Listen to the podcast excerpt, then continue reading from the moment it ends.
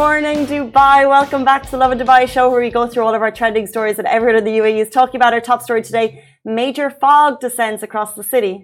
We'll also be talking about Dubai's Museum of the Future has welcomed over 1 million visitors. Ramadan, we're just under one month to go, so we're going to bring you all of the etiquette, which you may not be aware of for non Muslims in the UAE, and how the city actually changes throughout that time. And this is a huge rage, but the wireless uh, festival is coming, and Travis Scott is going to be headlining. Which is super exciting. It's going to be his first show ever in the UAE. And then later in the show, it's MS Talks 2.0 Motherhood and Multiple Sclerosis. Can you become a mother? We answer that question and more in a really insightful chat as part of a collaboration with Novartis. So all of that and more. Now, good morning to you all. We love seeing your comments come through. Hi, Jonah. Hi, Onial. Hi, Warren. Everyone that's saying hi, I hope you can help us answer this important question. What is the question? Well, we've been mulling over property prices in the UAE are getting more expensive. You cannot necessarily live where you want to live. so the question is would you rather live in like a big house, like maybe a villa with nice facilities, but it's like three or four bedrooms, but it's an hour and a half commute, like a 90 minute commute every single day, mm-hmm. or small place. Hmm. But it's convenient. So, like, it could be old, but it's like right where you want to live, and it's right beside your work, right beside your gym, right beside everywhere you want to eat. Mm-hmm. So, like, small place, convenient, big place, very far away. Okay. So you're asking me my dream house, two hours away. It's a long commute, or like a very, very convenient location right next to all my friends. Oh, mansion far away, studio nearby. Oh, mansion, studio. But the studio comes with all of the benefits of being around your friends. Of and then I have so much FOMO. It's like I always want to be around my friends. I, but like studio. Studio? No, no, no, mansion. Okay, mansion. Mansion. Mansion? Mansion. I would go with the first option. Two hour commute house. every single day, and you're, you're in early. So is it at 7.50 every single morning. Therefore, you have to leave at 7, 5.50, 5.50 every morning. Oh my god! and you'd only get home at like 9 o'clock at night. Okay. I don't know. I Someone's know. saying uh, small place convenience, of course. Thank you for. But like your dream house. Someone said a camper van. Genius. Camper. What did he say? Camper van. Camper van. Yeah. Just ditch both the ideas. That's just a small place. Van. A lot of people are saying small place convenience. What about you? Small place. I don't know the answer to the question. That's why I asked. but if you had you you have to answer this question, what would you choose?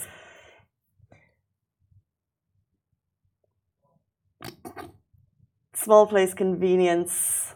I like being close to work. I hate having I hate having long commutes. I just think it's such a waste of time. And therefore, if you live in the small place, you can do more with your you time and make yourself feel better. If you're in a two hour commute every day, that's tough. And I really feel for the people who are mm. in those hmm. long commutes. You're selling me to the studio with a convenient location. But should I dream big? Should I dream bigger? Should I picture myself in this mansion? But I mean, like two hours away, it really like just pours water on all the benefits. Mm. And but then your weekends are going to be lit. Is it next to a salon? Good question. Is it next to any restaurant? Is it next to the gym? Is it no, it's not next to restaurants. It's not next to the gym. It's not next to a salon. It's just this gorgeous house in the middle of the countryside. Okay, you know what? I think just fine. Studio apartment it is. Yeah. A convenient location. That really sucks. Yeah, it sucks. You would give up a mansion over convenience. It's because I like to be close to work. at the gym. Yeah. You're saying all the right things. well, I don't like a commute. It's such yeah. a waste of time. And when you have a long commute, it just. You know what? If I had a driver with that mansion, mm. like, you know, then I guess it's genius thinking. a little okay. Big place, and then get your friends to move there too. Yeah, and I could have a Joey room from one of my Joey friends. All your friends would want to stay in your mansion all the time. Anyway, uh, thanks for all your thoughts on that one. And the jury is still out, I think. Okay, top story today. If you've looked out your window or if you sent us a DM, and thank you to everyone that has, you'll know that major fog has descended across the city. Uh, so, yeah, of course, we're talking about the fog this morning in both Dubai and Abu Dhabi. We've woken up under a thick blanket of beautiful, however, dare we say, inconvenient fog. Uh, fog alerts throughout Dubai and Abu Dhabi this morning, predominantly inland, uh, but residents of Dubai are sharing snaps, and also the Abu Dhabi drivers have gotten that usual alert about warnings on the streets. Yeah, this morning I woke up to like heavy, heavy, heavy fog, and it was just like, yes, we love fog. We love fog so so much. But yeah, if you're out there driving, do be careful. Make sure you have your fog lights on. Uh, very important. It's called headlights, right? No, Mm. headlights are always on. Your high beam. It's called high beam. Ali? Fog lights, specific fog lights. And I think there's a strict rule on you're not meant to put your headlights on. You have to mm. make sure you have your fog lights on. So if someone knows how to turn on the fog lights of a Pajero, please come. You don't know? I think you turn it twice. No? Pajero drivers, Ali's like he'll show I'm you a new driver. Did you hear Ali? Yeah, he's gonna show me after. Much appreciated. We put um we put a poll up on Instagram this morning if you love fog or if you hate it, because the general consensus from all of the stories that goes live is that people love the fog. Yeah. Not too much for me. I get it. I much prefer waking up and seeing the sunrise and sun shining. But it's so nice when, you know, like the city is foggy, especially when tourists are like he- here for the first time. And they're just like, because it becomes so dreamy, the whole city. And, you know, with the pleasant weather on top of that. And uh, apparently, like this week, it's meant to get hotter today and tomorrow. Again? Yeah, like the temperatures are supposed to be on the rise like today and tomorrow. But I guess, I, I think maybe that's going to be the humidity coming into play because of the fog. Um, but yeah, foggy all day, mo- not all day, all morning. And then tomorrow looks clear, Friday looks clear, and then Saturday again we have a cloudy skies. It is a wild one with the weather as always. Uh, stay tuned. Someone saying hate the fog and humidity in general. It's I think the longer you've been here, the more you appreciate the fog. Yeah. So you grew up here and therefore you love the kind of cloudy, whimsical weather. of course. However, I still nine years still just love the sun. you don't day. like the fog at all, is it? No, it's inconvenient and it's cold. I mean, yes, it is cold. I'll give you that. It's cold, but it's like it, it's cold, but without the you know the repercussions of rain. But it's still nice and like of course the humidity level is also so horrible when it's foggy. It's not. It's cold out. It's not that humid. I just I just love the sun every day. I love inhaling bored of it. I'll never get bored of it. You you never get bored of the sun, during the summer as I well. mean, get back to me in ten years. but I like clear days. clear days. I grew up with fog, Oh my god. thick, heavy fog in the co- Irish countryside. I don't need any more of it. Yeah, Jitin told me like when he was staying in Ireland, he would always check the weather forecasts. Like Why? because the weather is so unpredictable there. Because Yeah. one day it's like rainy, one day it's foggy, one day it's like this, one day it's that. So he got into the habit of always checking the weather forecast to see how to dress. So he does that here as well in Dubai. See. Well, most days in Ireland it's overcast. Mm. You don't get that many sunny days. So No, my ideal weather, I'll tell you that much. Uh, but you guys, congratulations to a Museum of the Future because Dubai's Museum of the Future has welcomed over 1 million visitors. And the Museum of the Future, a future future, has received more than 1 million visitors from 163 countries in the year since its official opening on 22nd February 2022. And more than a thousand international dignitaries, ministers, officials, and experts visited the museum throughout the past year. And the 1 millionth mark constitutes of a milestone in Dubai and the UAE's path to imagine, inspire, and design the future. So Mohammed Al Gergawi, who is the UAE Minister of Cabinet Affairs and Chairman of the Museum of Future, said that we pledged that the Museum of Future would host 1 million visitors in its first year, and today we celebrate the achievement of this target and the launch of a new year for the museum, during which we will continue to design the future for a better world for all in the coming years and decades. He also added that the museum has contributed to bringing a clear shift in the traditional view of museums and has been proven uh, and excuse me has proven the importance of harnessing future foresight. It is the go-to place for tourists. Anyone down in Dubai, I think no matter what you come down for, right? Like a celebration, visits, like even if you're attending, uh, what do you say? Like for, for example, if you're attending Gulf Foods, like any of the big exhibitions happening, you do want to take time out to do like other things. And the main attraction that tourists are just so hung up on visiting is Museum of the Future. Interesting. This I just think there's so many. And it's like when you have someone coming to town, how do you even figure out where to send them? But Museum of the Future, of course, is one. It's beautiful inside and out. I could just go and sit and look at it all day. Um, nearby, you have the frame, you have the Burj Khalifa. Like, Exactly. it's just, I just feel like there's not just one spot that people want to visit. I just, the city is just filled, and one visit is not enough if you're a tourist. and you can literally like uh, I- think all around they've made it just so much more engaging because now they have food trucks around and nice hotels and like you can just make a day of it you know go eat uh, at the hotel opposite but it's uh, i mean like the tickets are sold out all the way until march 11th so you can just see like the rush for this because it's perfect for all ages right? Whether you have kids whether they're adults whether they're senior citizens it's like the perfect museum for everyone. And it's like a futuristic one so it's like something you've really not seen anything like before. And those numbers passing through, we've also had the numbers recently of the numbers going through DXB in the last year, and it's just time and time again proving the phenomenal growth of the city uh, in terms of uh, tourism and, and also just uh, expat growth, which is phenomenal. Um, which leads us into our next story. So, Ramadan in the UAE, there's one month to go. It's expected to begin on the evening of Wednesday, 2022 March. It will be dependent on the crescent moon signings, and with this signifies the holiest month in the calendar year. so it is the month of pity charity and blessings during which capable muslims are required to ab- abstain from eating and drinking from dawn to dusk such fasting is one of the five pillars of islam And today we're going to talk about uh, some of the etiquette for non Muslims in the country and also just how the city changes during the month. So, if you are new to the city, if you're watching our show for the very first time, um, the city does change. So, for example, working hours for both Muslims and non Muslims are reduced by two hours. So, even if you're not fasting, the majority of workplaces will cut their hours by work cut their work hours by two hours. Also, with that, uh, opening hours of restaurants change. So most restaurants adhere to the hours of fasting. So they are closed during the day and open in the evening. Some restaurants and cafes are open in, uh, during the day. You can eat inside. You can order for delivery. Uh, you can do takeaway. You can do dine in within uh, the restaurants. However, then eating in public is not allowed. Um, and they also recommend booking a table for dinner ahead of time because restaurants get very busy during the evenings. Exactly. Malls will stay open until late night. So that's one thing. Parking timings will change. So um, we just have to wait for the announcement. But usually, the uh, like, uh, I okay. So typically, it's uh, parking is free after 10 p.m. Like you don't have to pay for parking after 10 p.m. But that's gonna change.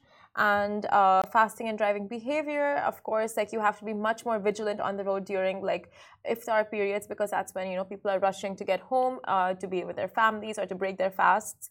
So that's when you have to drive even more, you know, like carefully out there. And then of course availability of taxi. So during iftar periods, that's when it's you know like peak time. You will see mm, like you know uh, a higher demand for taxi. So you do have to make taxi bookings in advance.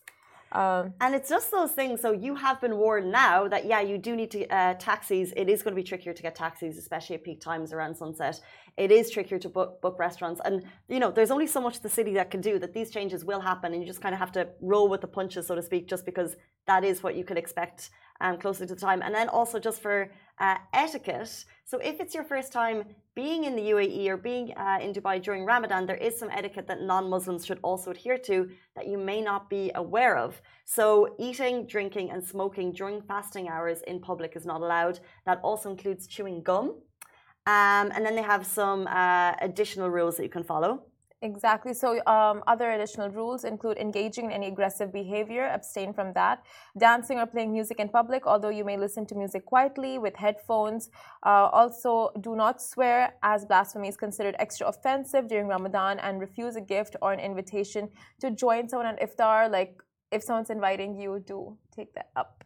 Interesting. I actually, uh, the refuse a gift or an invitation to join someone for iftar. That's good to know, right?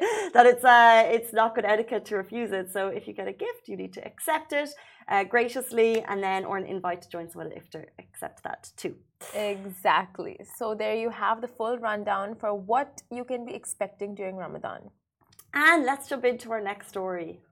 Now, Wireless Festival is coming and Travis Scott is headlining. Now, we are less than a month away, and the Wireless Festival, Europe's largest music and pop culture celebration, is coming to the Middle East for the first time on March 11th, 2023. And for those living under a rock, the festival is known for high energy vibes and immersive experiences and promises to be a highlight of Abu Dhabi music calendar. No doubt. When this was announced, like people are jumping out of their seats to get tickets. Their fingers are literally not working. That's how quickly they want to get tickets to this. Uh, the festival will be taking place on Abu Dhabi's Yas Island. There's going to be uh, Lil Uzi Vert is going to be there. Wegz is going to be there. Black Sherif is going to be there. Ali Gatie, who I think he's going to come on the show, is going to be here. Uh, King, Divine, Young Stunners, and many more. But the big news dropping is that you guys know Travis Scott is going to be headlining. It's his first ever concert in the UAE because he was meant to come before mm. and then he had to pull out for different reasons. So it's going to be his first ever concert in the UAE. By the way, tickets are on uh, ticketmaster.ae. They're available now and I would run if you're planning to get them. Have you ever seen uh, Travis Scott, the energy he gives in a live gig? Wild. I have not, but I've heard and I've seen videos and like yeah, the hype and just it's crazy the kind of crowd that he pulls. So I mean, I know so many people like super, super, super excited for this festival. Mm. It's going to be crazy. Ticketmaster.ae for your tickets. Um, a huge lineup. So I think Travis Scott is just like peak, mm -hmm. you know, in terms of like just like the cherry on top. But you know, take him out, you still got a, like a massive uh, a massive lineup there to look forward to, and it's happening in Abu Dhabi, and it's not that far away. So get excited, get your tickets. Um, and that leads us in to our interview, MS Talks 2.0 Motherhood and MS Can I Become a Mother? Uh, so there are many misconceptions about multiple sclerosis, and one of the biggest is that of motherhood. So in this episode of MS Talks 2.0, we're joined by Dr. Susan Nouri to bring awareness and also just to debunk those common misunderstandings that people have um, from having children to how to live a normal family life with MS. Stay tuned, she'll be with us right after this.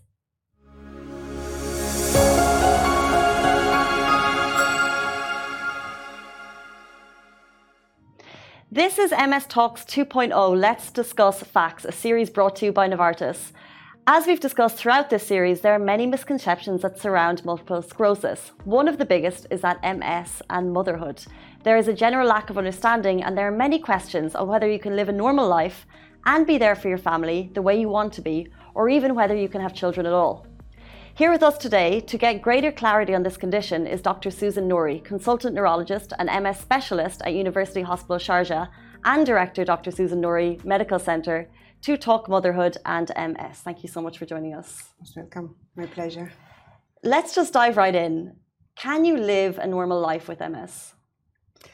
Yes, definitely. A woman with multiple sclerosis, they can't have a normal life getting pregnant and getting healthy pregnancy, healthy children, because MS does not have to stop a woman from getting pregnant. And uh, uh, in fact, that a woman with multiple sclerosis they are as just as likely like the normal person, like a normal woman, they can have and can enjoy motherhood, enjoy parenthood. That's amazing to hear. Thank you for breaking that misconception. However, is there anything that mothers should be aware of before they try to conceive? Right. Okay. So uh, definitely before getting pregnant, we have two points that we have to emphasize.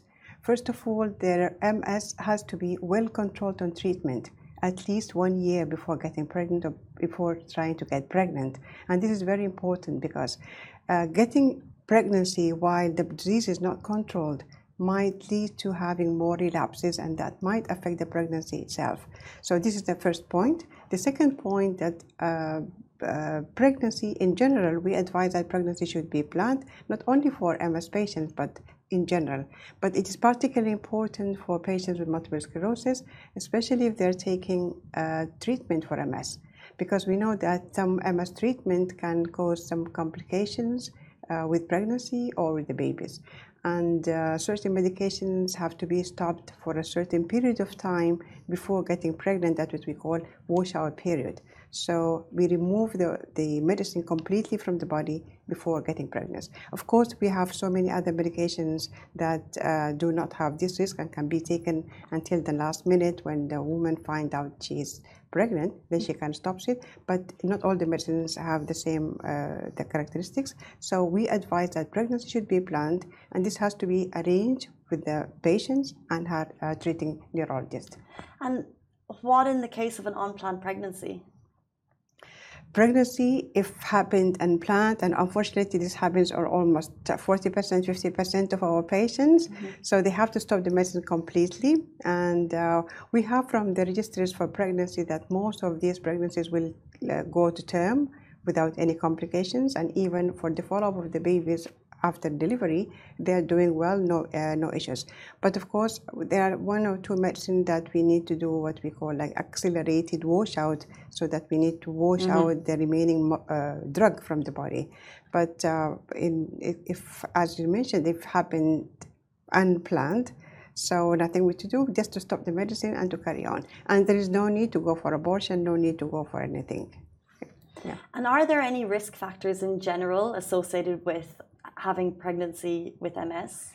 Uh, in fact, no. So, uh, getting pregnant or carrying a child does not impose any risk for the mother. And uh, maybe 30 years, 40 years ago, neurologists used to discourage women who, who have MS from getting pregnant, from becoming pregnant, because of the misconception at that time that pregnancy might worsen their condition. So uh, scientists, with the observations that pregnancy is fine during uh, during uh, with MS, so uh, now we have all the evidence that pregnancy can protect the woman from getting relapses during the pregnancy. So especially in the third, uh, the second and third trimester. So it is safe to get pregnant, and of course there is no other risk of getting miscarriages or abortions, and there is no risk of having premature delivery, and there is no risk of having uh, like uh, ectopic pregnancy or pregnancy outside the uterus. So it is safe for a woman who, of course, provided that she has a well-controlled disease mm. before she gets pregnant. What are the types of fears that some mothers might come to? Some of the concerns that mothers uh, mothers to be with MS might have.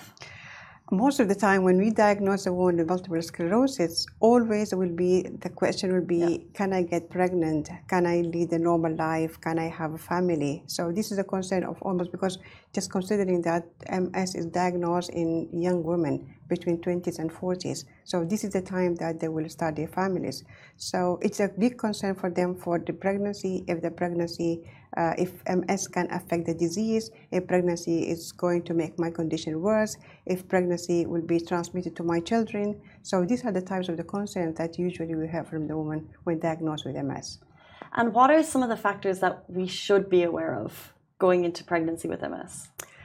Uh, when a woman plans for pregnancy, she should be aware, as I mentioned, that her disease should be well controlled. Mm-hmm. So, this is one important point. Medicine has to be stopped before getting pregnant, as we mentioned that with the complications of MS. So, a pregnancy, planned pregnancy, medications has to be stopped. Always please discuss this with your uh, physician because he would know which medicine and at what time and how long it should be stopped before getting pregnant. Of course, we will advise also for taking the supplements and vitamins as we do for all mm-hmm. other uh, women without pregnancy. Some point that we should mention, of course, they can lead normal pregnancy without any issues, but uh, pregnancy we know that usually it will be uh, having some symptoms like getting fatigue, getting uh, like the weakness. This will be a little bit exaggerated for mm. patients with MS.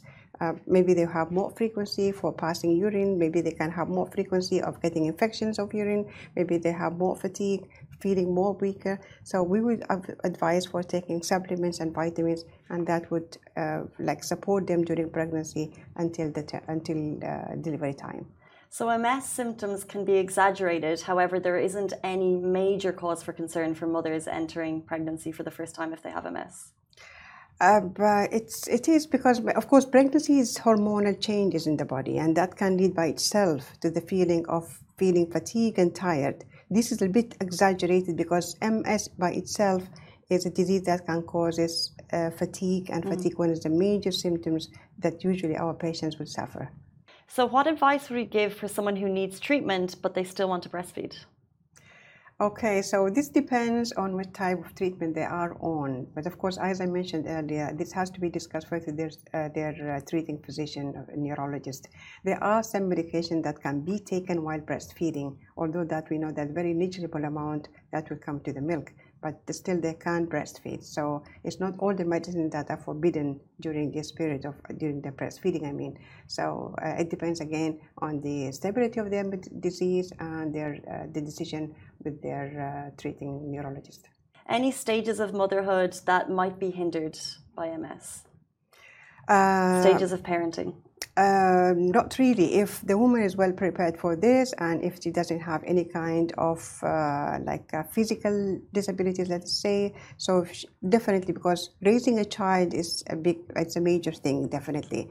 And uh, we are lucky had in our communities here, we have support from the families and the family members, so uh, from the other friends and family members. So definitely that will be help very helpful for a woman to raise a child. But of course, uh, if she has uh, good energy and she's doing her exercise, eating healthy, and taking her supplements and vitamins, she would not have any problem of raising a child. Well, that's interesting because I was going to ask is there any pieces of advice you would share with a mother who's interested in conceiving? Um, right. So, as well as eating healthy and taking supplements, is there anything else that you could recommend? I would recommend them to. Uh, uh, be positive, mm-hmm. of course, and they should never lose hope. Disease does not affect their normal life, does not affect their uh, uh, wishes to become pregnant or become a parent, and uh, they should expect, of course, and accept the bad days. But bad, di- bad days uh, are not or do not equal to bad life. They can enjoy life with MS. They can enjoy love, uh, motherhood. They can enjoy parenthood so many questions regarding motherhood and MS. So I really appreciate you coming here to debunk those and to disprove the misconceptions. Thank you very much for joining us Most today. welcome. Thank you everyone for joining. Also, MS Talks 2.0. Let's discuss facts. Stay tuned for the next episode.